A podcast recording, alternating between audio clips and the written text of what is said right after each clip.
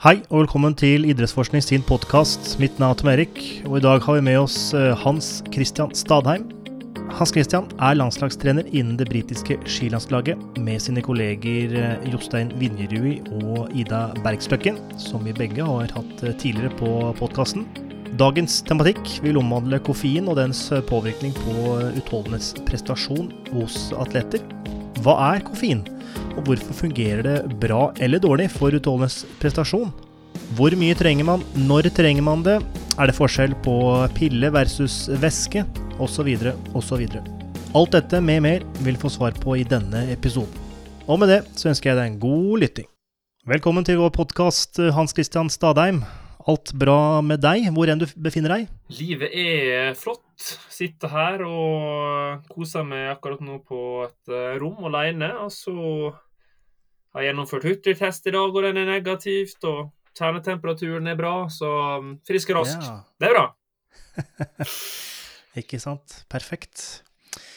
Eh, du er jo eh, på engelsk performance coach, og på norsk landslagstrener innen det britiske skilandslaget, sammen med din kollega Jostein Vinjerui, som vi har mm. hatt eh, tidligere på podkasten, og sammen med Ida Bergsløkken. Så vi har headhunta hva skal jeg si, rett gruppe, og alle menneskene i den gruppa. Ja. Um, men før vi måtte bli litt kjent med deg som person, mm. er du i Norge eller er du i England nå? Det er faktisk akkurat nå så er jeg i Norge, eh, på en veldig vil jeg si, kort visitt. Eh, det nærmer seg de olympiske lekene i Beijing, så nå er jeg hjemme for å hente noen eh, akkrediteringer som vi må ha. For det er også visumet vårt for å komme oss inn i Kina. og eh, for i en lang historie kort så var det veldig vanskelig å få dem sendt der vi var i utlandet. Så da måtte jeg fysisk hjem igjen for å få tak i dem. Eh, hvis ikke så kommer ikke vi oss til OL. Ok. Er det pga. at Kina er veldig strengt, eller er det vanlig? Det er nok ikke vanlig, eh, men det har jo med at eh, de har ikke fått tak i disse kan du si, eh, kortene som vi må ha før et visst tidspunkt. Og så vil de helst ikke sende det i posten i frykt at det ikke kommer fram. da. Så da var det sikrest å sende det til postadresse i Norge i stedet for å sende det til hotelladresse i utlandet. Og da ble det bare slik at jeg måtte mm. hjem igjen for å få tak i dem. Pluss jeg skal hente en del andre ting som skal være med nedover, men det er på en måte hovedgrunnen da, til at jeg er tilbake nå i Norge en tur. Ja, ikke sant. Ja. Mm.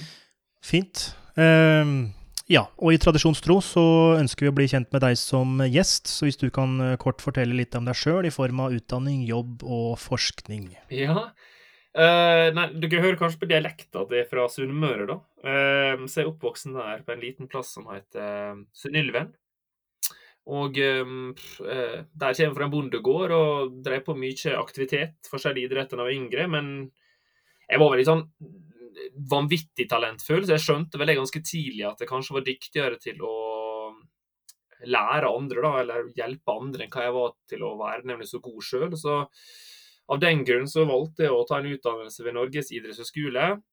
Skulle egentlig gå ett år der før jeg skulle begynne på medisin, og så syntes jeg det var så spennende at jeg fortsatte med en bachelor. Og så ble det en master, og så var jeg heldig og fikk en vitenskapelig assistentposisjon. Og så ble det til slutt en doktorgradavhandling der ved seksjon for fysisk prestasjonsevne. Og mens jeg da studerte ved idrettshøgskolen, så var jeg samtidig langrennstrener ved siden av i en klubb som heter Lyn Ski da, i Oslo. Og det er derav eh, langrennstrener. Riktig, riktig.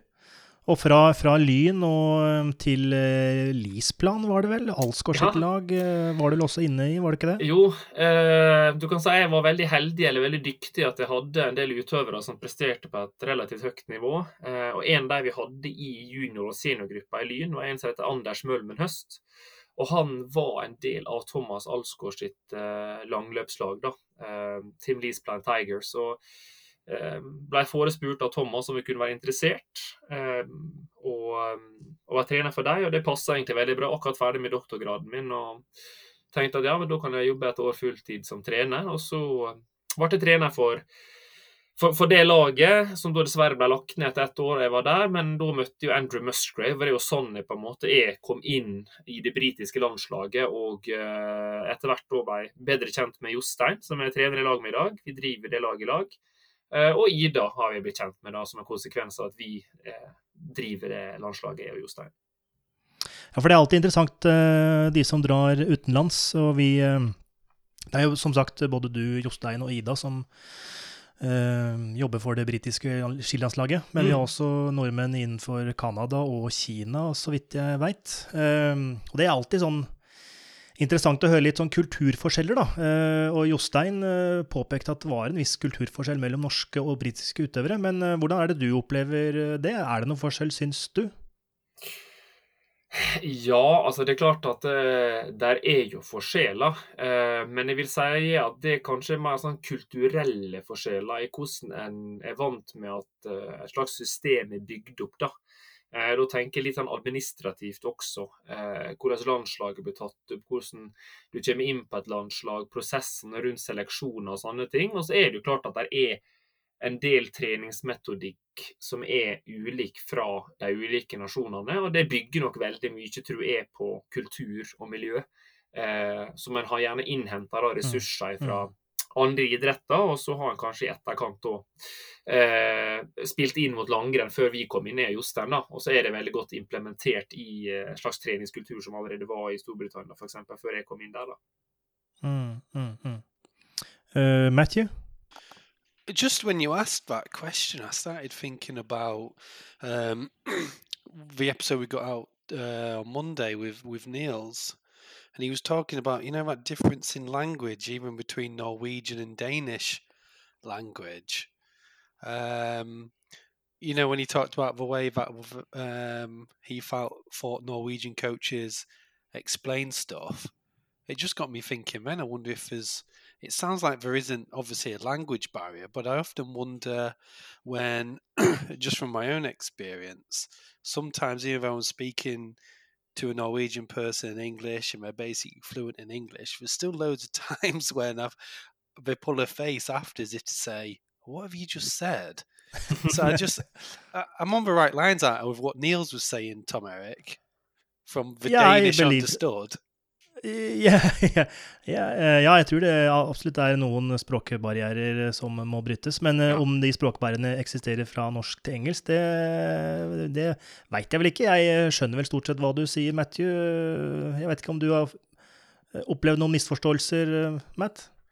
No, no just I just wondered if there might be some nuances in the way, mm. particularly British people speak, which might be sometimes difficult as a Norwegian person when you may be asking them to do a certain thing in training or you're explaining something in training. Mm. Mm. Mm.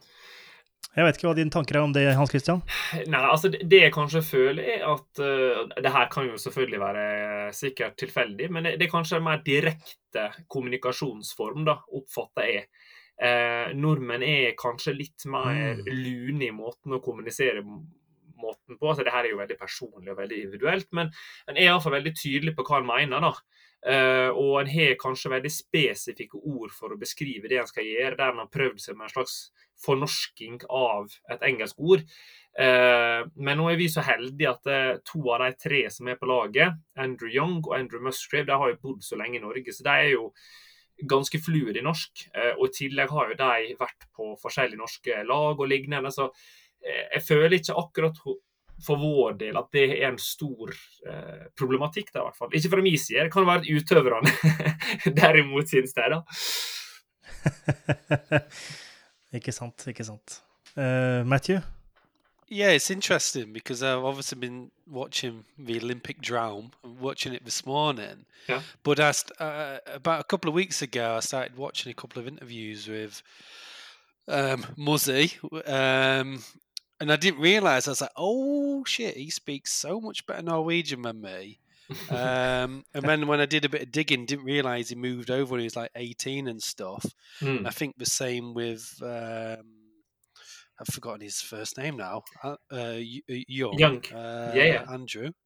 No. That's yeah, correct, Andrew um, Young. Yeah. he moved over as he moved over like 18 as well to like Yilo or Hempstead or somewhere.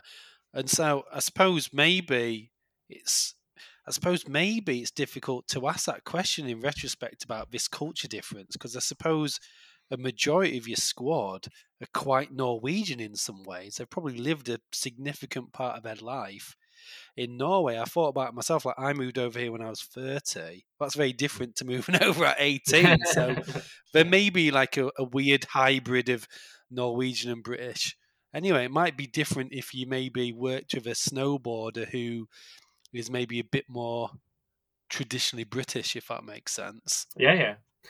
Nei, jeg forstår, jeg, forstår, jeg forstår, veldig godt hva du mener, Matthew. Og uh, der er sikkert uh, perioder hvor det ikke kanskje Det kan være en miskommunikasjon, men jeg tror, som du sier, da, i og med at de flytta bort hit, to av dem uh, James den siste har jo ikke bodd så lenge i Norge, men jeg føler på en måte at også jeg og Jostein vi er såpass gode engelsk at hvis vi på en måte forstår at dette her forstår ikke personen vi prater med så godt, så legger vi over til engelsk. da, Og dialogen mellom utøverne og meg og Jostein er ofte en blanding, hybrid av engelsk og norsk, litt etter situasjonen. Eh, som jeg tror også en kommer til å se på The Olympic Draum, at det, det varieres en del mellom de to språkene. Eh, så jeg tror ikke vi i utgangspunktet har et stort problem med det, men det er klart at eh, det kan nok oppstå en situasjon der det er tilfellet. Mm. Mm, mm. Uh, did you have something more, Matthew? Yeah, sorry. It just things keep popping up. Um, because I've just thought, because again, this, this, James, who's in the team, he's basically raised in France, isn't he? Yeah. So, um, it sounds like you've maybe not worked with anyone who's it's not like you've picked uh, you obviously can't because of the terrain it's not like you've really worked with anyone that you've managed to pick up directly from Britain if that makes sense ja, nei, du kan jo på en måte si det er jo um, Det er jo på en måte hybrider, da, men, men de er jo ganske britiske. Iallfall sånn som Andrew, de to Andrewene som er, bodde i Skottland uh, til de var uh, 17-18 år. Så er det på en måte De, de er ganske vil si, britiske. Eh, og altså eh, Det er ikke tøys det at de drikker te, f.eks. Altså, det, det er på en måte noe som ligger i ryggmargen at de, de gjør. Eh, så det, det, er en sånn liten ting. Og så er det humor også. Altså, det er litt mer sånn British banter eh, på laget vårt enn hva det kanskje er i en del andre. Og sjargongen, altså. Mm. Eh, rundt en mm. del ting. Samtaleevne, ting jeg sitter og tøyser og tuller om mellom økter, er ja, vil jeg si Den er eh, litt britisk, ikke helt norsk. How does that affect your coaching? Pro- I know this is we're trying to we will eventually get onto your um, your research work, but you just said something that's kind of interesting. I wonder how that might affect you as a you know we talked previous before we started recording how you're maybe more of a scientist in the team, but I wonder how that that that thing about banter and humor, which I definitely recognise from what you were saying there. How does that maybe affect the kind of coaching process as two two Norwegians trying to deal with these British lads who basically think a lot of things are a joke, which I would think is a joke as well. Does that make things difficult or easy, or how does how does that usually work out? Uh, nei, jeg tror kanskje i starten så så måtte du bli litt vant med det, da. Eh, at, at du, du, kanskje tok en del ting litt seriøst, som de helt klart mener bare er tøys, og det er bare tull, og det, det er ikke noe seriøsitet. altså det her er bare sånn vi på en måte kommuniserer. Der er på en måte var det sånn Oi, er det sånn vi prater med hverandre, på en måte? Og da tilbake til det her med at de er mer direkte, da. At en, måte, Det finnes på en måte ikke noe som er eh, ulovlig å tøyse med. Eh, og eh, etter hvert når du på en måte skjønner den slags koden, da, så er det egentlig ganske lett å skjønne når det er tøys, og når det ikke er tøys. Eh, eller banter, som det, mm. går igjen. Eh, og Det er jo litt sånn greia i laget vårt at uh, når en ser på Olympic Draum også, så, så, tror jeg liksom at hvis en ikke har vært borti britisk kultur, så tror jeg en del av situasjonene som kanskje der framstår som at det er uenigheter, og sterke uenigheter, så egentlig så er det en slags dialog.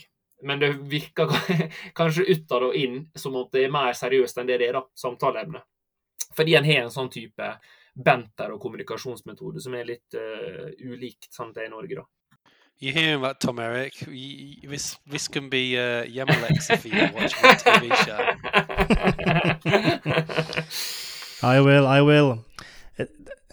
Angående det showet, det, er, eh, det, var vanskelig å finne på NRK, fordi jeg skulle bare automatisk eh, ikke søke etter det, men bare gå inn på serier og dokumentarer og sportsserier. Ja, ja, stemmer det. Og det, det, det, det lå ikke noe sted, ja. så jeg måtte manuelt søke etter det. Så det var litt uh, dårlig at det ikke blir promotert i større grad, så det syns jeg var litt trist. Men uh, får, absolutt, jeg har en hjemmelekse å gjøre. Vi får, uh, vi får kommunisere at 4. februar da er det på en måte serien offisiell, da. Så det ligger ute to episoder allerede nå som du kan se, som en sånn liten appetizer, men serien blir på en måte lansert 4.2, mm. så det er nå grunnen at det er litt vanskelig å finne det akkurat nå. Så jeg tror det er litt lettere å, ja. å både oppdage serien og få sett den eh, når, eh, når den kommer til 4.2, hvor det kommer flere episoder. og Det er mer enn kun de to episodene som er foreløpig ute, som kommer til å komme da, med mer krangling, mer diskusjon, eh, temperament, humor, banter eh, og osv.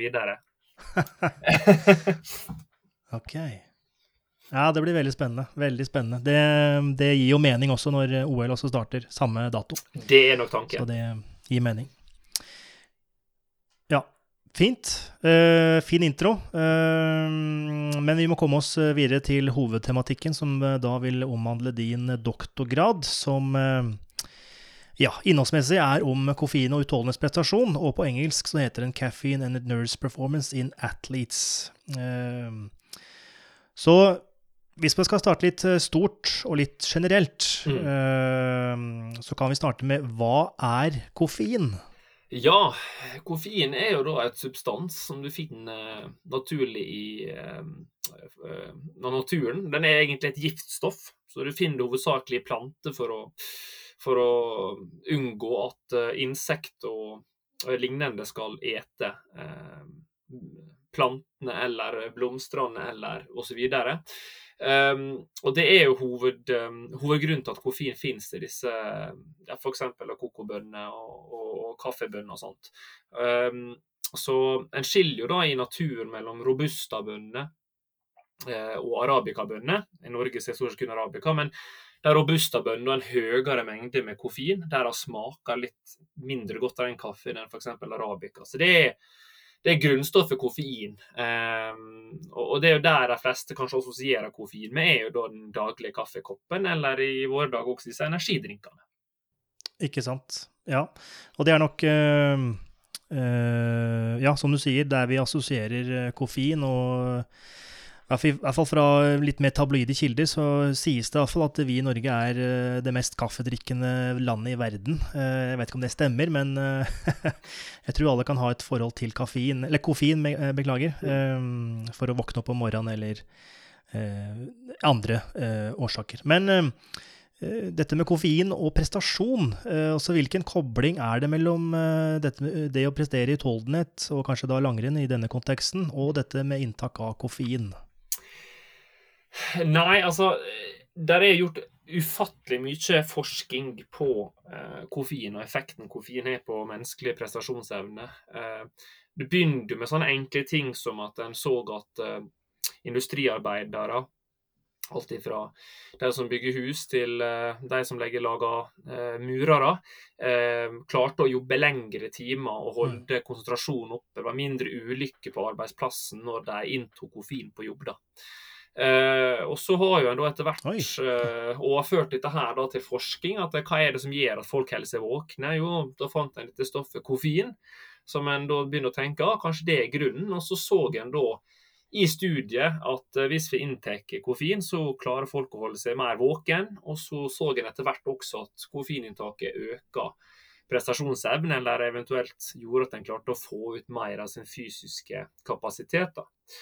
Uh, og så har en jo gradvis mer og mer dykka ned i hva er det som er mekanismene som gjør at dette fungerer, da, som gjør at en presterer bedre. Riktig, riktig. Og hvis vi da skal uh, kikke litt nærmere på denne mekanismen, uh, om hvorfor koffein bedrer prestasjon, og mm. eh, kanskje litt mer langvarig prestasjon. Det får du jo for for så vidt svare på litt etterpå. Ja. Um, ja, hvorfor fungerer koffein da, på prestasjon? Er det bare at det reduserer trøtthet, eller reduserer trøtthet ikke i det hele tatt? Bare følelsen av trøtthet, eller ja, hvordan fungerer dette? Nei, altså, det som er magien med koffein, det er at eh, når du inntar koffein, så, så, kan det passere, det molekylet kan passere alle lipidelag, og, og alle cellene i kroppen vår består jo av to lipidelag. Så det blir litt fysiologiintro her. Men det gjør at eh, koffein kan vandre fritt i hele kroppen. Og da binder koffein seg til noe som heter adenosinreseptorer. Og adenosinreseptorer det finnes overalt i kroppen vår. Så det som skjer ofte eh, når en eh, har jobba lenge, f.eks., eller det går mot slutten av dagen, eller en driver med fysisk aktivitet, det er at kroppen skiller ut disse eh, adenosinmolekyler, og så fester det seg på en adenosinreseptor. Og Det er da trigger et elektrisk signal til hjernen som sier at nå er du sliten. Nå må du roe ned. Nå må ikke du presse deg selv så hardt. Nå må du gå og legge deg og sove. Eh, koffein har ganske lik molekylær oppbygging da, som disse adenosinreseptorene. Så når du driver på med enten arbeid eller du driver med fysisk aktivitet, så kommer koffein da inn gjennom f.eks. noen kaffekopper. Det kan vandre fritt i kroppen, og det setter seg på disse adenosinreseptorene. Den store forskjellen her er at når koffein fester seg på disse adenosinreseptorene, så kommer det inget elektrisk stimuli til hjernen som kommuniserer at du er sliten.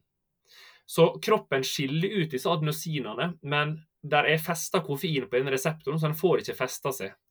Så den går på en måte og venter og venter, venter på at koffeinmolekylet skal slippe, sånn at den får satt seg på reseptoren og gitt det elektriske signalet til hjernen.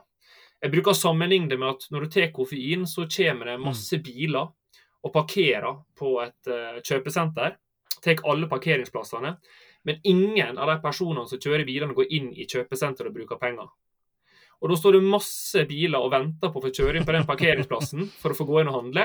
Og Etter hvert så flytter én og én bil på seg, og da kommer det kunder og parkerer på parkeringsplassen, og så kan jeg gå inn på kjøpesenter og bruke penger og handle det jeg skal ha.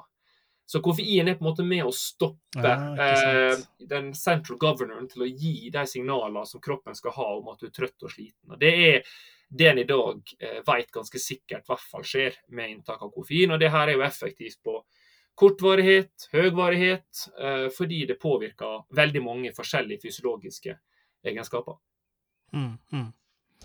Men eh, disse adenosinreseptorene, øh, øh, hvor sitter de? Altså, er, det, er det muskelvev vi snakker om? Er det kun i hjernen? Er det Nei, det, er, det perifere nervesystemet? Det er overalt.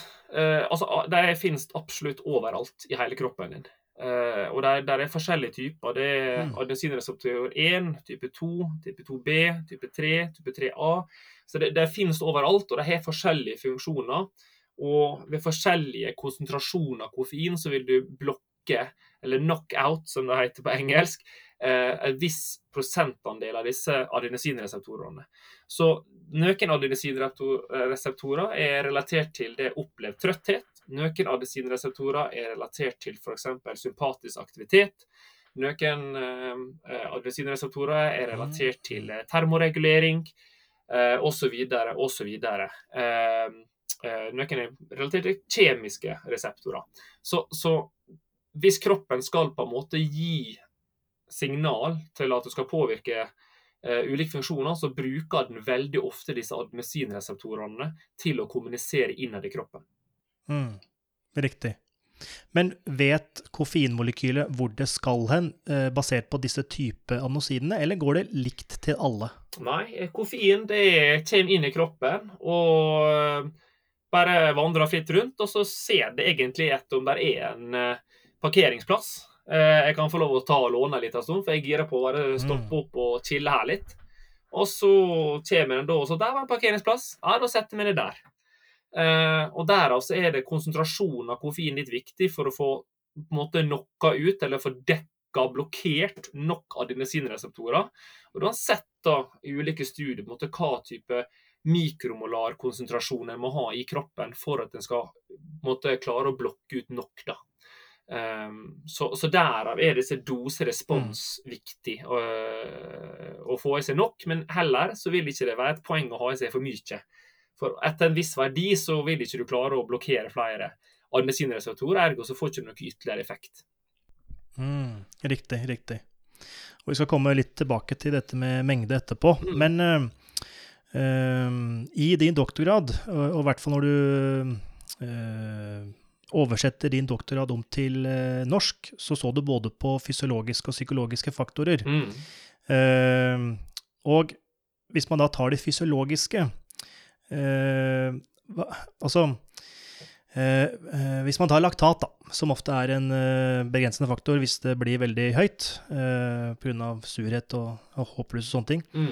eh, er det sånn at eh, eh, hvis man har to grupper, begge har 10 millimol laktat, eh, og den ene gruppa har inntatt eh, koffein, den andre ikke, Eh, Er det sånn at begge oppnår det samme fysiologiske trøttheten, men den ene gruppa kjenner ikke, eh, kjenner ikke så mye til det som den andre? Jeg tror det er veldig godt oppsummert. eh, At du kan ha samme verdi som indikerer i utgangspunktet at du skal ha åtte av ti i opplevd trøtthet eller slitenhet eller smerte, men med koffein så opplever du bare som sju av ti.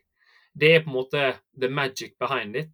Men det vi på en måte ser også, er at det, i og med at adenosin i kroppen er en slags eh, vokter og hjelper til, altså den central governor, altså den, den den skal på en måte beskytte systemet fra overbelastning. Så, så, så kroppen er jo så utrolig finjustert, så den på en måte passer på hele systemet. Eh, og det som skjer når koffein er det, når koffein da er der, og du har 10 millimol i laktat, så grunnen til at du opplever at du blir stiv eller opplever at det er ubehagelig, det er at kroppen vet at ok, 10 er laktat, og går pH ned i blodet ditt. Da vet vi at det er en stor anarob prosess. Vi vet at hvis du fortsetter med dette her over lang, lang tid, så er det en prosess som til slutt gjør at vi ikke har nok eh, oksygen tilgjengelig. Så da øker vi smerten, eller reduserer f.eks. elektriske stimuli til muskulatur, så du produserer mindre kraft. Alt for å få det til å prøve å slutte med aktiviteten du gjør. Men når koffein er der, så Mm, oppfatter kroppen at 10 millimol er ubehagelig. Den, den, den har ikke fått beskjed om at 10 millimol Mm. betyr at vi har en annen prosess. Den, den tolker som at nei, alt er bra. Her er det bare å kjøre på, dunk på. Den sender masse sympatisk aktivitet til å øke hjertefrekvensen. Den sender masse sympatisk aktivitet til muskulatur for å fortsette med samme muskelkontraksjon og produsere mye, my like mye kraft. Så, så den, den fjerner en slags beskyttelsesmekanisme som kroppen har, og det er i utgangspunktet det som er målet her for kroppen. Det er å, å garantere at vi ikke får overbelastning. Og koffein forandrer det bare litt. Nå høres det ikke ut som det forandrer det helt sinnssykt når jeg la det fram sånn, men, men du gir en liten justering. Så, så du kan kjøre med litt høyere turtall på bilen din. Ja. Uten at du kommer opp i den røde markøren som er på, på bilen, da, som indikerer at nå er det en, en sone som vil slite på motoren over tid. Ikke sant. Um, Matthew? Um, he might need to cut a little bit out here, but what you're saying there is just making me think about these um, these studies of using Ritalin, which I don't know what it's called. That drug is called in Norwegian. The, the same thing. Is it Ritalin, yeah. like this Renef? oh, I can't even say it, but Yeah. there's been studies, haven't there, that it was specific to like kind of uh, the central governor theory, where they gave it's like a medicine for attention disorders, and they've I've I've read studies where they've administered Ritalin uh, and then done exercise tests in in rats. And they've basically been able to perform. They've been able to withstand a greater load of endurance exercise after taking this attention deficit medicine and Mm. it basically, you know, kind of cheats the system. Are you, are you suggesting caffeine kind of works in the same way, cheating the cheating the body's system? Uh, ja, altså De har jo på en måte uh, litt like uh, fysiologiske effekter. Men samtidig så er jo Ritalin mer en medisin som går en, en, en tror i hvert fall går direkte mer på hjernen. Mens adenosinreseptorene er på en måte lokalisert overalt. Altså De er lokalisert i hjertet, f.eks. Um, så, så, så de har litt ulike kan du si, reseptorer som de påvirker. Um, men, men ja, ut ifra det du sier, der, er er studier som viser at det kan redusere trøtthet, og det kan øke eh, konsentrasjon. Eh, men, men en tror jo der det her går mer på at retalin går direkte på hjernen, og eh, de på en måte delene av hjernen vår som, som har fokus på eh, konsentrasjonsbiten. I mean, clearly caffeine works, right?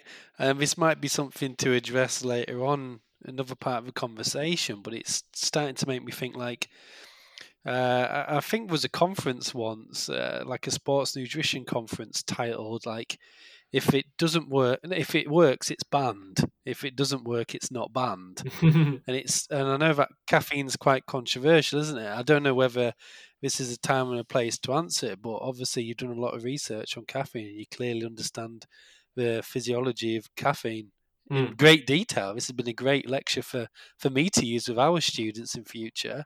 Yeah. But um, makes me wonder whether caffeine should be allowed, given the fact that it definitely works. And the usual rule is if it's working, they shouldn't be using it. Ja. Nei, det, det er, Matthew, en, en vanskelig eh, eh, Altså, koffein er absolutt innenfor det jeg kaller gråsone. Eh, fordi det er jo tre kriterier et stoff eller substans eller metode skal inneholde for at det skal bli eh, klassifisert som doping, da, ifølge WADA. Det ene er at det skal være Eller alle tre, to av tre, unnskyld. Det må være prestasjonsfremmende, som du prater om. Det skal bryte med idrettens etikk og moral. Og det skal være helseskadelig. Problemet her er jo at uh, koffein i utgangspunktet er ikke bevist å være helsefarlig. En kan nok sikkert uh, diskutere, spekulere i at det å på en måte fjerne en brems på sikt kan være farlig. og Det er jo et veldig interessant langtunnelt studie en burde gjort. Uh, men faktisk det å innta koffein i form av kaffe er jo vist å faktisk redusere diabetes type 2, sannsynlighet for å få Alzheimers, depresjon og sånne ting. Eh, om det er koffein eller antioksidantene i kaffe, skal ikke jeg gå inn på, men, men, men faktisk er på en måte helsebenefitser av å ta koffein virker veldig være positive. Eh, og i forhold til at et stoff er prestasjonsfremmende, det er eh, det er så utfattelig mye av ernæring som er. Eh, og jeg bruker alltid eksempelet med at vi drikker sportsdrikk, eh, både i sykkel, i løping. Eh, og studier som har sett på en prestasjon som varer oppimot halvannen-to timer, spesielt i varme. Det å innta væske, og væske med da forskjellige typer karbohydrater, altså alt fra fruktsukker til glukose, altså eh, monosakkarid, disakkarid og polysakkarid, er kombinert da med en del salter, er jo ekstremt prestasjonsfremmende, kontra hvis ikke du drikker og får det eh, næring underveis. Eh, vi vet jo absolutt at det er en sammenheng mellom personer som inneholder høyglykemisk drikke, altså som i form av cola og lignende, stort inntak om dagen, og diabetes type 2, eh, over fedme osv. Men vi anser ikke det som doping. Men det er jo ingen tvil om at det har vært superinteressant hvis en kun hadde lov Uh, enten å ikke innta nøke næring underveis på en femmil i langrenn, eller kun innta vann. Det hadde jo plutselig blitt andre fysiologiske egenskaper som var viktige, som f.eks. For forbrenning av fett underveis. Uh, så, så det at noe er prestasjonsfremmende for meg, er ikke at det er doping, for det er det så ekstremt mye annet som er. Uh, spørsmålet her er om det bryter med idrettens etikk og moral, og om det er helseskadelig. Og etikk og moral, det er jo veldig match up til han som har altså, eye of the beholder. Altså, det, det er det er med kultur, det er med miljø, eh, forskjellige kulturer innad i Norge og i, i forskjellige land og internasjonalt i forskjellige idretter. Altså, det er et vanskelig tematikk, og der altså må jo vi som da driver på med toppidrett, forholde oss til et regelverk. og Der er det veldig tydelig hva som er hvitt og hva som er svart, og alt imellom er grått. Eh, og Så må en jo da gjøre gode valg på bakgrunn av både etikk og moral og helse. da.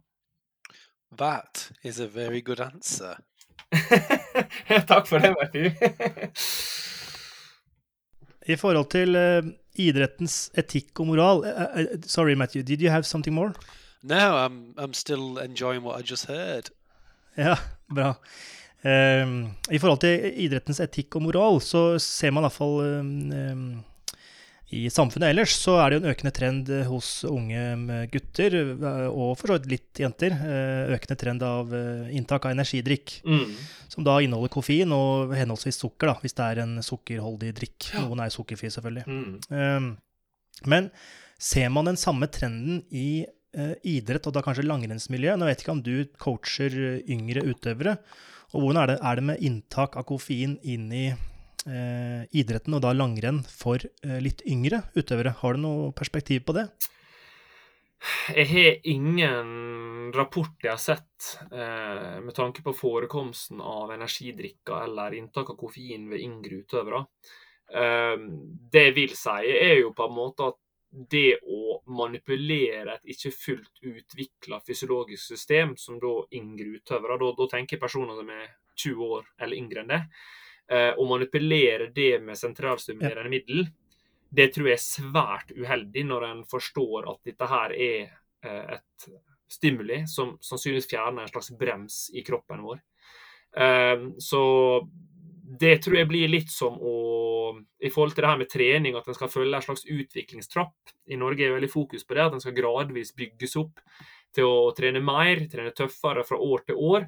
Og en har jo litt sånn tradisjon, eller iallfall data, på at de som på en måte prøver å ta en snarvei da, og trene ekstreme mengder i en 16-17-18 års alder, kanskje får en utrolig framgang innen de åra, men så når et lavere toppnivå enn de personene som gradvis bare bygges opp år etter år etter år.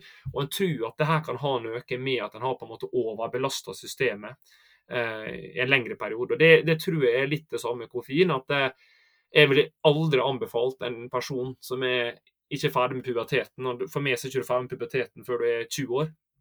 Eh, da tar jeg ikke et veldig generelt årstall. Noen er kanskje ferdig når de er 18, og noen når de er 22.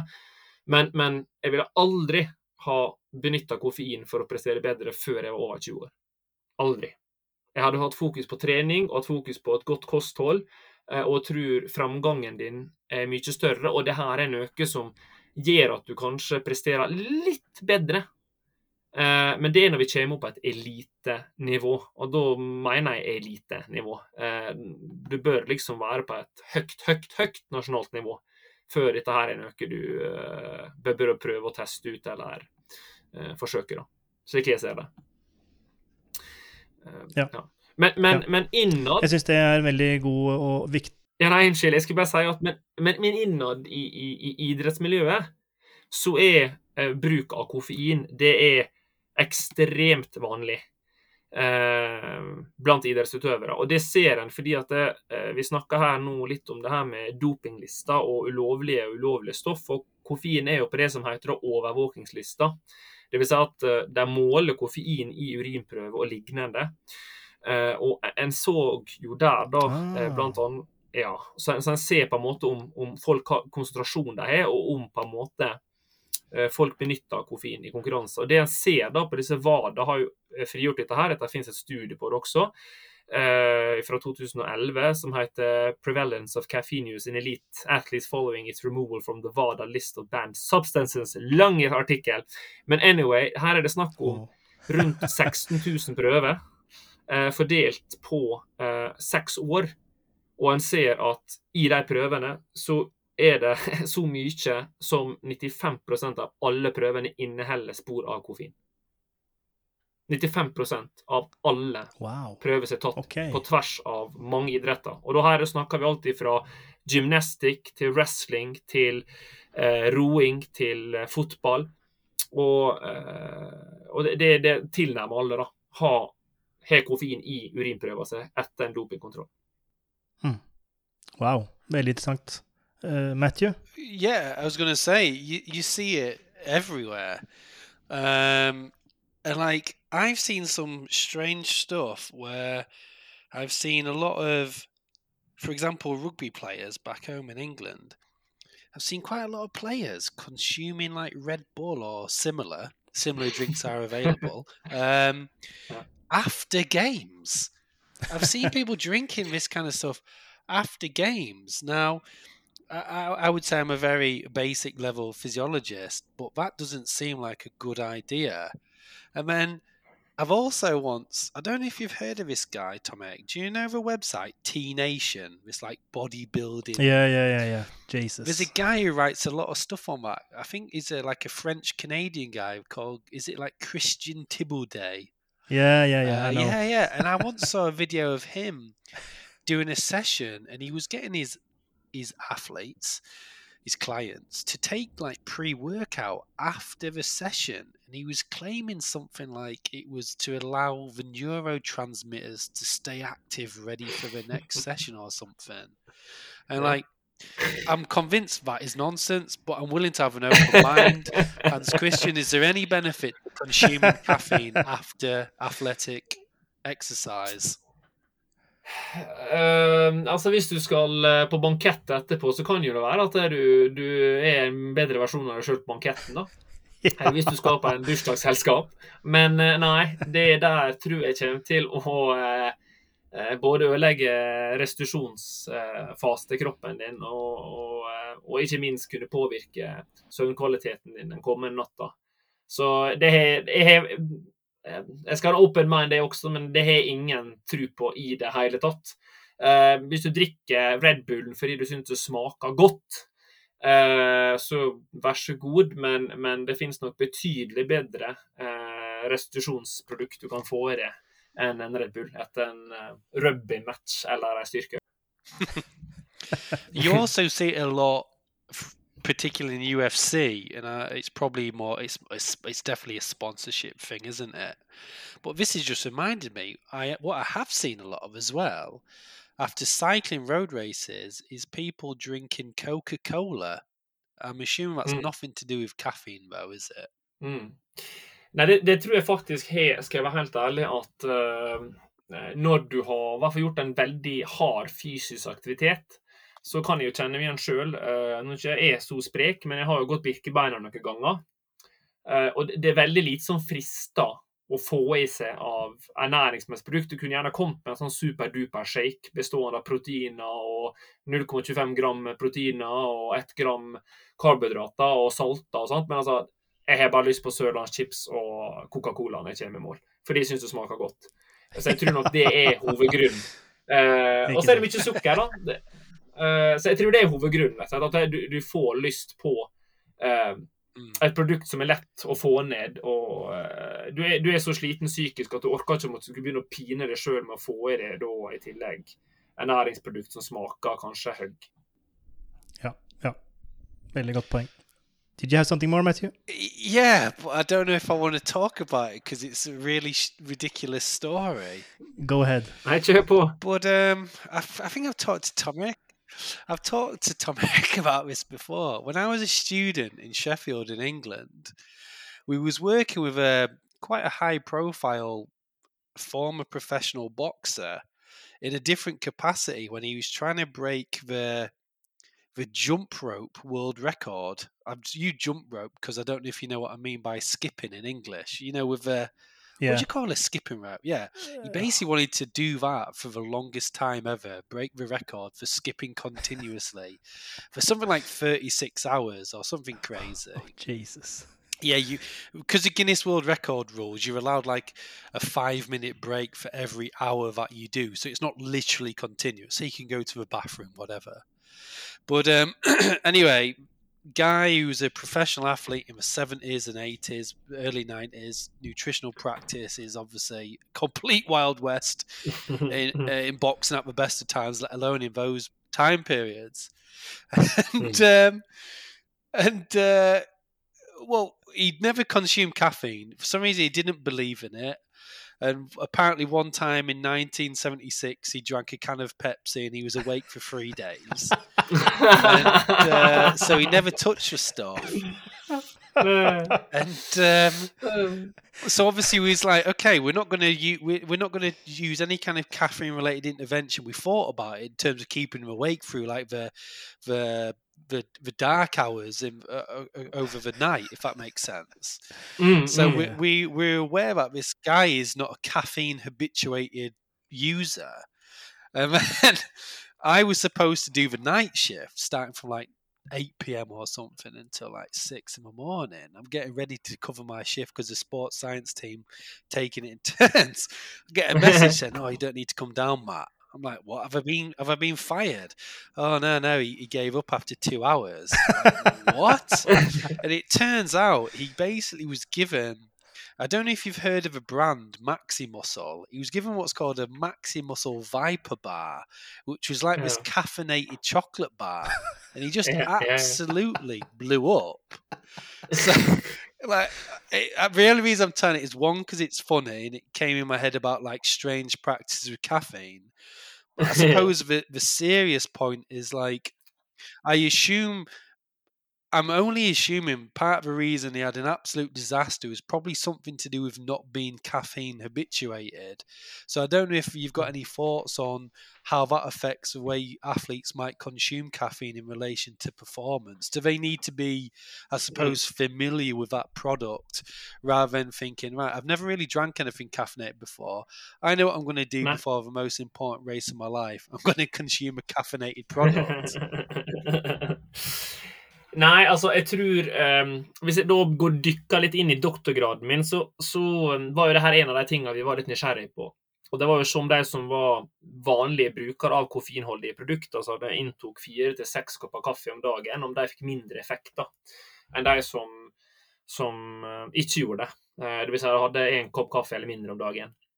Men vi så ingen På tvers av den prestasjonsfremmende effekten, så så vi ingen sammenheng med at de som inntok koffein normalt på et daglig dagsnivå, eh, fikk mindre effekt av koffeinen.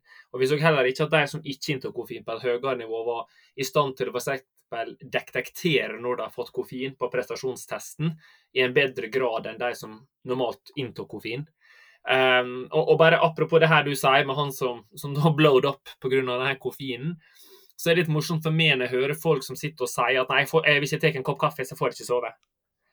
Eh, og så vet jeg at ok, i en kopp kaffe så er det ca. 50 milligram, ok, men du drikker, du drikker en liter med Pepsi Max før du skal gå og legge deg. Ja, det er ca. 200 milligram koffein der. Det er ca. fire kopper kaffe, men da går du og legger deg med en gang.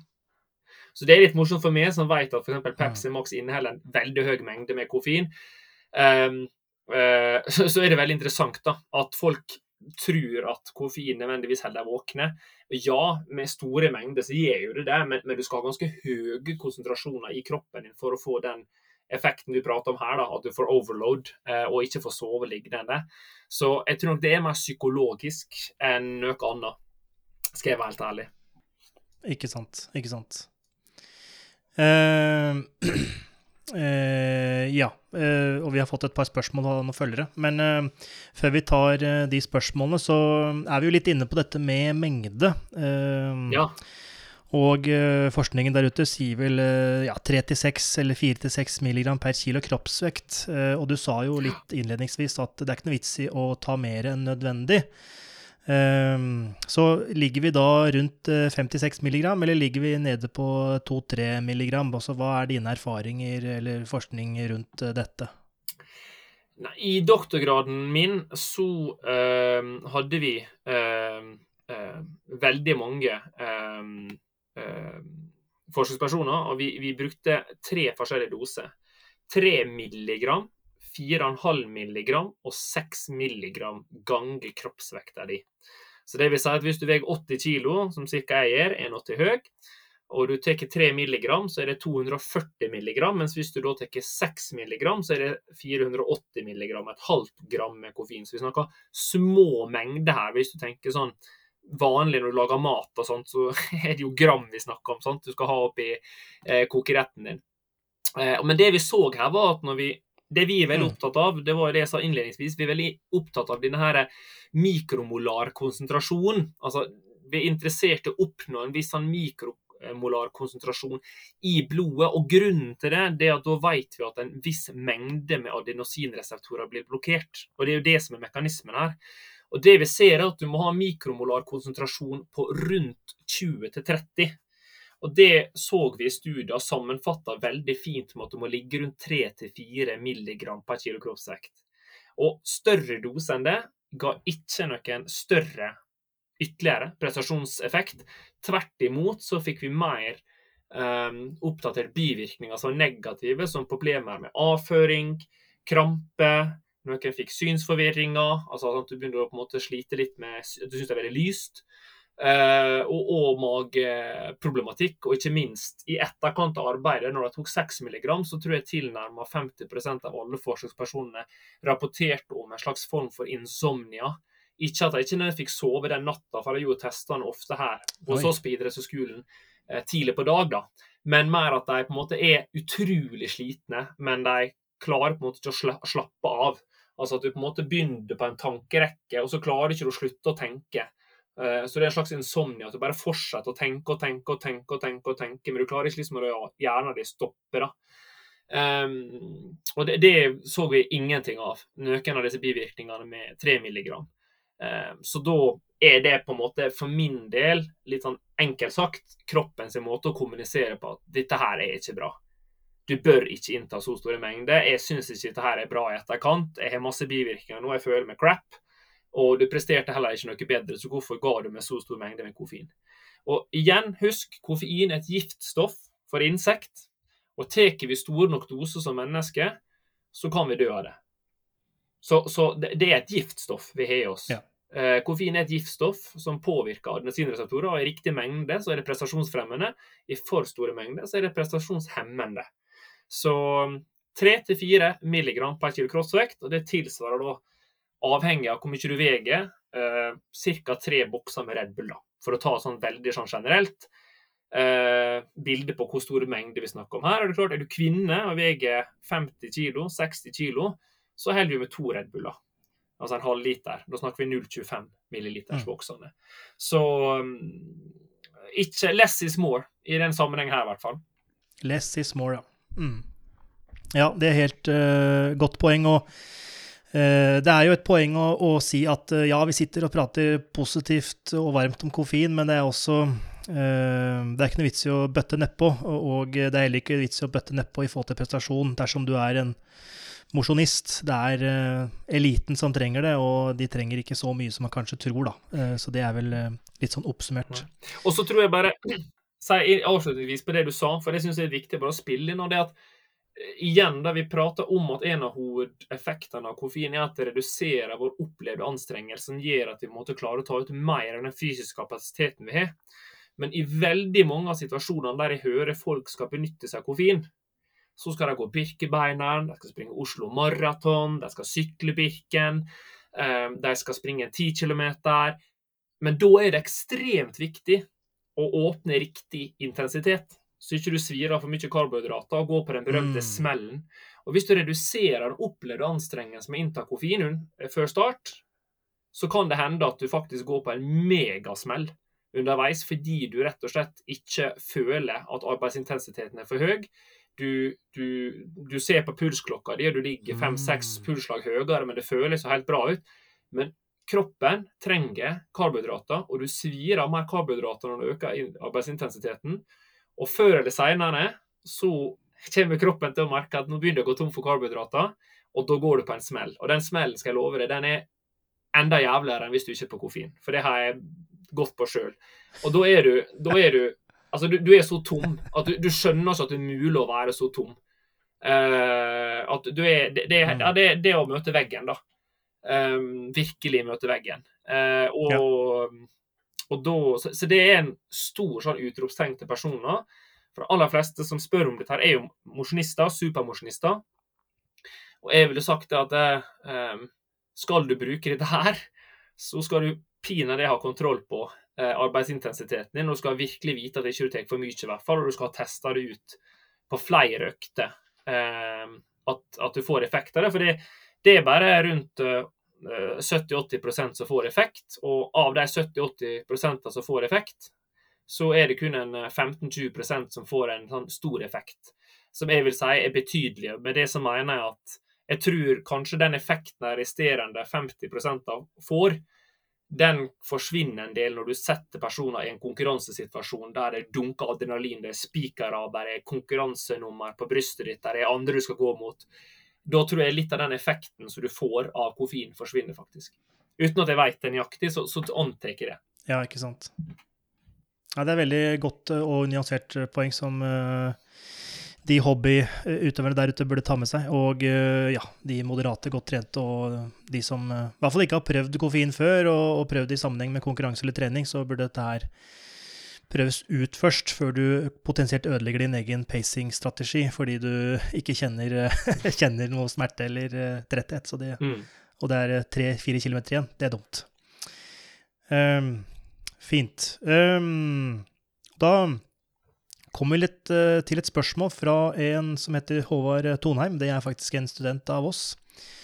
Om dette med uh, koffeinshot eh, før en konkurranse, under da lange løp, om det er like bra eller like eller hva står der? Er en koffeinshot til konkurranse under lø lange løp det samme som en shot av pre-workout?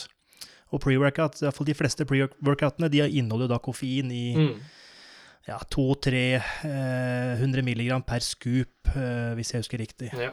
Så ja, er det det samme? Det er litt uspesifikt spørsmål, men, Nei, men jeg, jeg, jeg, forstår, det, jeg, forstår, spørsmålet. Um, jeg vil si at i utgangspunktet er svaret ja. Men igjen, uh, her snakker vi om en pre-workout. Hvis ikke det står oppgitt på baksida hvor mye koffein den inneholder. For jeg vet jo det finnes ikke shotter, altså små flasker du kan ta. Eh, da kan du sørge for å få i deg riktig mengde, ikke for stor mengde og ikke for liten mengde. Eh, hvis det her er en scoop, så da skal du ha en ganske bra vekt i sofaen for å veie opp at du ikke får i deg for mye eller for lite.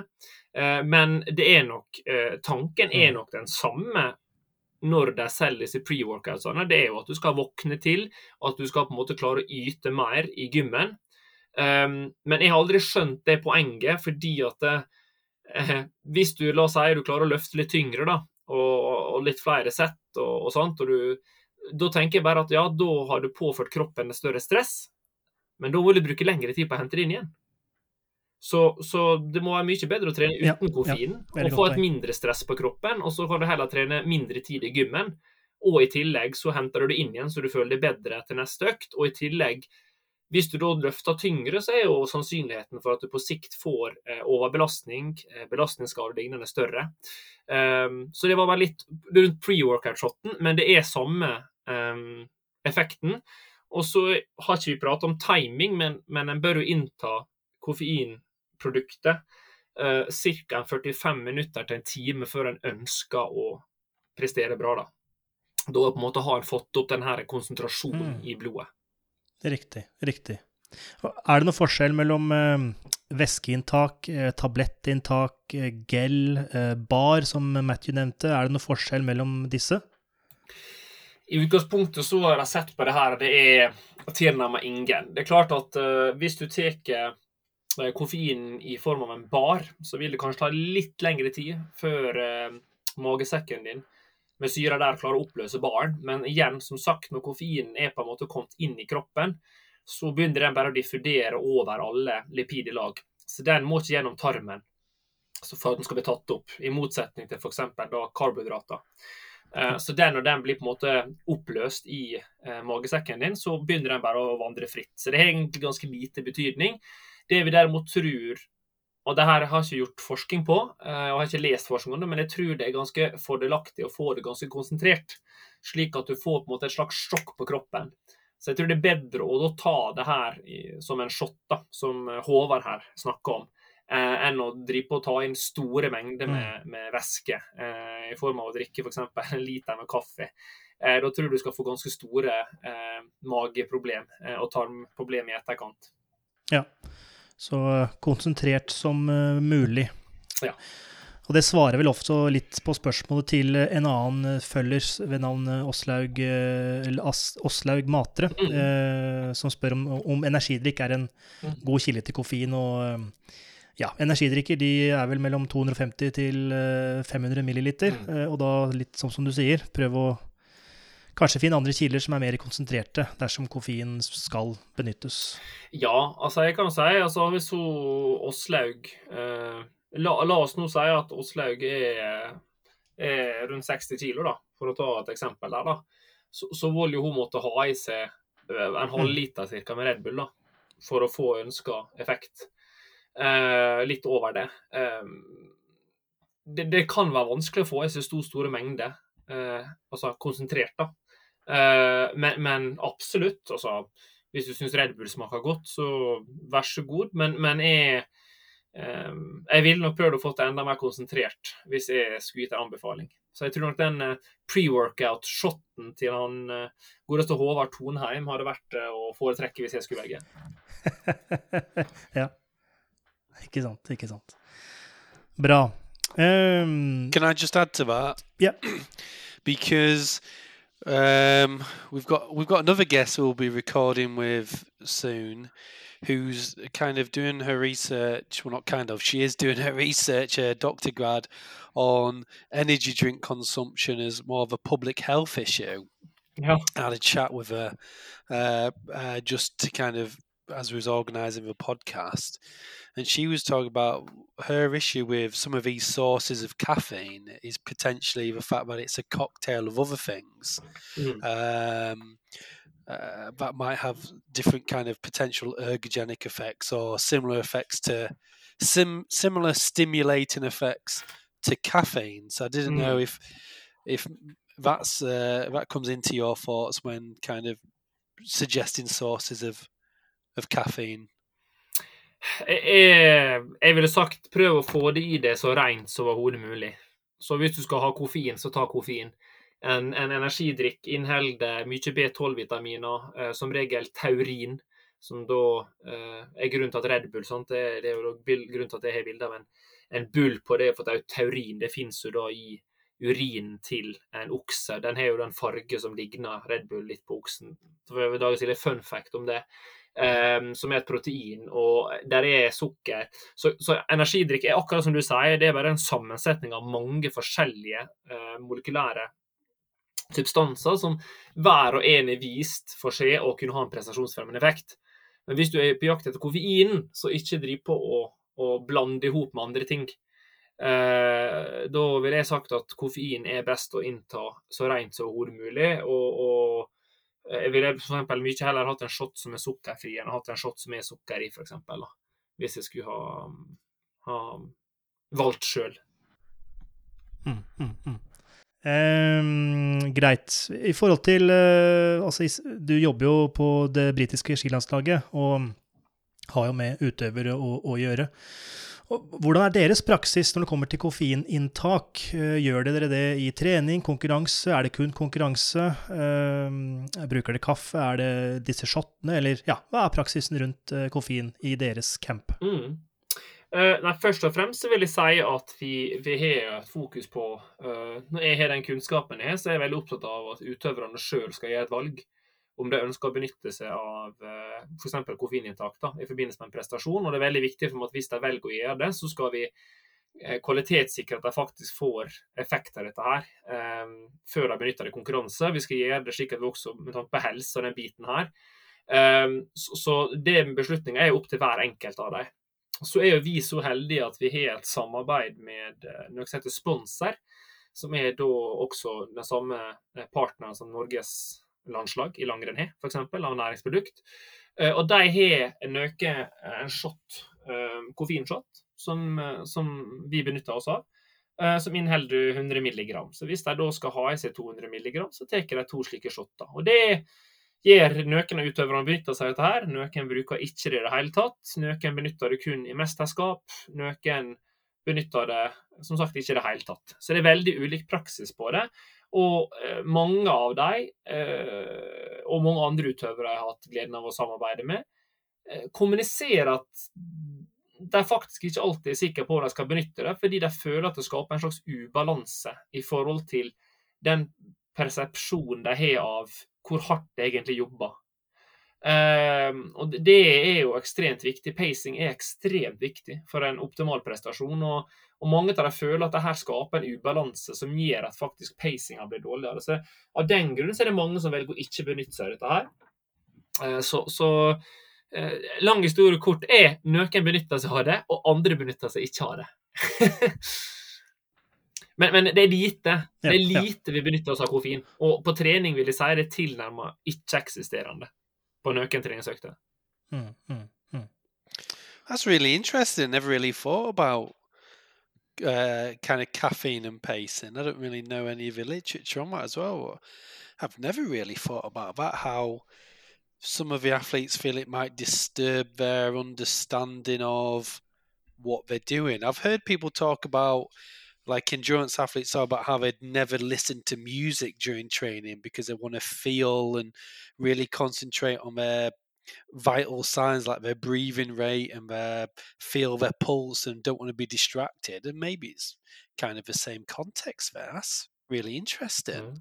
Jeg, tror jo, jeg tror jo det vi ser i som er litt lettere, da. Og med det så snakker jeg ikke om det er minst like tøft å komme til toppen som langrenn, kanskje tøffere. Men i idretter som løping, da, f.eks. på en friidrettsbane altså En friidrettsbane er 400 meter. Eh, Tartandekket er litt forskjellig, men tilnærmet lik. Så kan du sette disse lysa på, og så springer du bare langs lyset. Det er klart, I en sånn sammenheng så vet du ca. i forkant hva jeg kan klare å springe på. Og Da ser vi at mange av disse verdensrekordene som er satt, er jo nå satt som en konsekvens av at de får springe med jevn fart hele tida. Altså, der er ikke, der, der springer bare jevne tider hele tida. Når Kipchoge på Inos 1,59 brøt den totimersbarrieren, så er det jo helt klinisk satt pace på den bilen. sant? Det springes helt jevnt. Og I langrenn så har jo ikke du muligheten til å gjøre det, fordi løypene er ulike, terrenget er ulikt, det er forskjellige snøforhold. Noen dager er det kjappere forhold, senere forhold, klassisk, skøyting eh, forskjellig startnummer. Kanskje lønner det seg å gå litt hardere for å komme seg opp i ryggen til noen. Kanskje lønner det seg å holde litt igjen, slik at du blir tatt igjen og kan ligge i ryggen til en bedre skiløper. Så det er mye vanskeligere, og ergo så er det mye større krav til en utøver å faktisk sjøl kjenne hva er riktig arbeidsintensitet. Hvor hardt kan jeg jobbe for at jeg totalt sett skal få en best mulig prestasjon? Um, og Det er veldig unikt egentlig for langrenn, for det er nesten alle andre idretter som er sykkel har du watt, i løping kan du springe med uh, tidtaking per kilometer. Sant? Så det, det, er, det, er, en av de unike karakteristikkene med, med, med langrenn. Det er vanskelig å kontrollere arbeidsintensiteten, og da må du bruke feeling, rett og slett. Just going back to that and how some of the athletes you said feel like if they're caffeinated, they feel a bit disrupted in relation to judging their race and stuff. Obviously, I don't want you to name anyone. don't think that would be right. But have you noticed whether it might be people or your athletes who maybe aren't habituated to caffeine use who feel like a larger disruption, whereas those who might mm. be consuming coffee quite a lot through the day. They don't feel as much kind of disturbance. Nei. Og nå, nå, nå, snakker jeg på en måte ikke kun om de tre britiske utøverne jeg prater om dette. her. Dette her er kanskje bakgrunnen min fra, fra mange utøvere jeg jobber med, som har vært på et høyt internasjonalt nivå eh, i langrenn. Eh, og det er ingen sammenheng. Det er både folk som drikker ekstremt mye kaffe, til folk som ikke drikker noe kaffe. og det, det, det, er veldig individuelt, og det er nok mer relatert med tror jeg bare rett og slett uh, hvordan du er som type. da. Hvis du i utgangspunktet blir jækla gira når du skal ut og konkurrere, så tror jeg det er lettere at koffein kanskje kan uh, gjøre at du koker litt over. da. Uh, mens en person som, som, kanskje er litt lugnere, eller hvis en personen tar litt for lett da, på konkurransen, så kan kanskje koffein være positivt. Men det, det, er ingen sånn Jeg har ikke sett noe system på det. Jeg skal, jeg skal love det, Matthew. Jeg er opptatt av å finne system og kausaliteter i det meste. Eh, og er, der er, det, det, er all over the place. Det er ingen sammenheng der. Så det, det er rett og slett noe som disse utøverne må prøve å være ærlige med seg sjøl, mm, mm. I've just got one more, Tom Eric. Shoot. Because all that's just really interesting because I just usually the assumption is, or not the assumption is, what I've seen in kind of our industry of sports sciences, someone researches something, potentially does their entire PhD in a topic, mm. and then they just try to implement that wherever. so I don't know if it's like, oh, I've, I've found that um, I'm just trying to think of an example, like uh, uh some, some, type of like like cluster Nah, uh, yeah. or but I was thinking more from a strength training perspective. I don't know. Someone's done some research on like multiple sessions per day or cluster sets or this, that, and the other, whatever. Yeah. They've done the research. They've shown it's had an effect on their population that they investigate for a PhD, and then no matter which environment they go into after, they make them do that. but it sounds like even though you've provided really, really clear explanations as to how and why caffeine works, and thank you for that. I don't get the impression at all that it's you coming into an environment and forcing people to consume caffeine, and I respect that, especially if you found that it basically works. Nei, altså det, det gjør det ikke. Eh, og det, det har også med at jeg tror en topprestasjon er en Det er utrolig multikomplisert, da. Eh, når vi gjør studier, så er det jo på en måte Vi, vi på en måte designer studier for å finne svaret på et spørsmål. Men, men når vi kommer til den konkurransesituasjonen, så er det så mye X-er, altså usikkerheter. Altså du, der er så mange ting du ikke kan kontrollere, som, som kommer inn og påvirker prestasjonen. Eh, og derav så er det ekstremt viktig at, at den individet som skal ut, eller de individene som skal ut og prestere, faktisk sjøl eh, har trua på at de tiltakene de har gjort, om det måtte være eh, inntak av ernæring etter trening, eller om det er inntak underveis i et konkurranse, eller treningsparadigme, de, må ha trua på det. da. Hvis ikke du har trua på det, så, så, så tror jeg du aldri vil oppnå en maksprestasjon. Og sånn er det med koffein også. Hvis du er, har litt sånn usikkerhet rundt det eh, Jeg er ikke helt sikker på om det er positivt, men da, da ville jeg sagt ikke bruk det. Det, det, det, det, det er så marginal, den gainen du får, at eh, vi kan ikke, i hvert fall på en resultatliste, eh, si at i dag brukte du det, og i dag brukte du ikke. Altså, altså det, det mener jeg oppriktig talt. Det kan jeg ikke gjøre. For det er så mange andre faktorer som har mye større betydning for prestasjonen enn det her eh, substansen. Eh, og så har det kanskje litt også med MFJ at jeg, jeg, selv jeg fortsatt skriver på vitenskapelige artikler og, og har publisert en del, så, så er jeg ikke en del av et forskermiljø. Jeg er ikke på jakt etter å få nye grants og midler til å kunne fortsette å forske. og Derfor er det viktig å selge et produkt slik at det er fortsatt relevant, det jeg driver på med. og Dette er viktig, og vi må, vi må ha mer kunnskap om dette. fordi eh, jeg er opptatt av én ting, og det er å fasilitere og tilrettelegge for at de individene jeg jobber med i lag med, skal bli den beste versjonen av seg sjøl. Eh, og da kan ikke du drive på og, og eh, kan du si, eh, ha fokus på deg sjøl og egoet ditt. Eh, du må ha fokus på individer du jobber med. Eh, og da, da må du være objektiv. Og da er det som jeg sier, samle data, analysere det objektivt. Det er jo sånn er mest mulig objektivitet, mest mulig datapunkt, for å se om faktisk både treninga vi gjennomfører og ernæringstiltakene vi gjør, har det faktisk en effekt på prestasjonen? Eller er det bare slik at vi tror dette funker, og så egentlig så bruker vi masse tid og energi på noe som egentlig er bortkasta? Det er egentlig totalt på trynet å drive på med det. Veldig viktig poeng. Um, fint. Ehm, jeg tror vi begynner å nærme oss slutten. Ehm, selv om jeg og sikkert Matthew har 1000 spørsmål til. det får vi ta en annen dag. Ehm, men eh, føler du at vi har gått igjennom det vi skulle gå gjennom i dag? Eller altså det, våre spørsmål stilles til hva som forventet? Ja, det vil jeg absolutt si. Uh, koffein er spennende tematikk, og en kunne sikkert ha sittet og pratet om det noen timer til. Men jeg tror liksom det viktigste jeg vil kommunisere, som jeg syns kanskje mange glemmer når de leser doktorgraden min, da, for det, er få som har gjort det, eller leser en artikkel om koffein, så syns jeg folk heller skulle bite seg merke i hva er det som er grunnen til at prestasjonen blir forbedra. og er dette noe som jeg kan faktisk påvirke gjennom trening? Det syns jeg er kanskje dagens lille avrunding. Fordi poenget er at det, den lille effekten du får av å ta koffein, den får du én gang der og da. Og så er jo det store spørsmålet at det, kan en faktisk gjennom trening og påføre ulike stimuli på kroppen som medfører en slags form for stress, om det er psykisk stress eller om det er fysisk stress, gjør at en får en adaptasjon som gjør at en har en egentlig u, eh, uforløst potensial i seg som en ikke har fått ut fordi en ikke har trent spesifikt på de eh, metodene. Det det er sånn sett det som kan si er litt sånn interessant. Jeg ser på det på en litt motsatt måte. Jeg ser at koffein forbedrer prestasjonsevnen. I doktorgraden min så fant vi mange mekanismer som det kanskje påvirker, som gjør at en forbedrer prestasjon. Og så har jeg tenkt til etterkant hmm, kan jeg gjennom trening påvirke disse egenskapene med å trene litt annerledes enn det jeg har gjort før? Og svaret på det er jo at ja. Det kan en. Eh, og, og, det er kanskje det mest spennende, syns jeg, da. Eh, er at du på en måte åpner en del dører da, i forhold til eh, kanskje tanker om at sånn er det bare.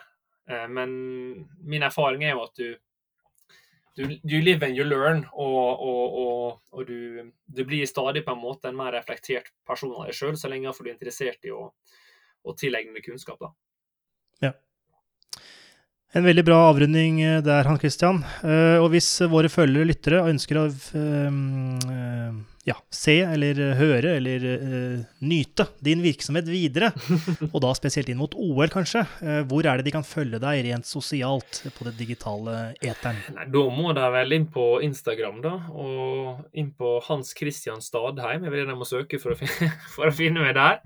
Og så får de jo da sett um, meg sjøl og, og, de som serien hovedsakelig handler om, som er disse idrettsutøverne. Og, og, du får sett Jostein i tillegg, som er en veldig viktig del av landslaget.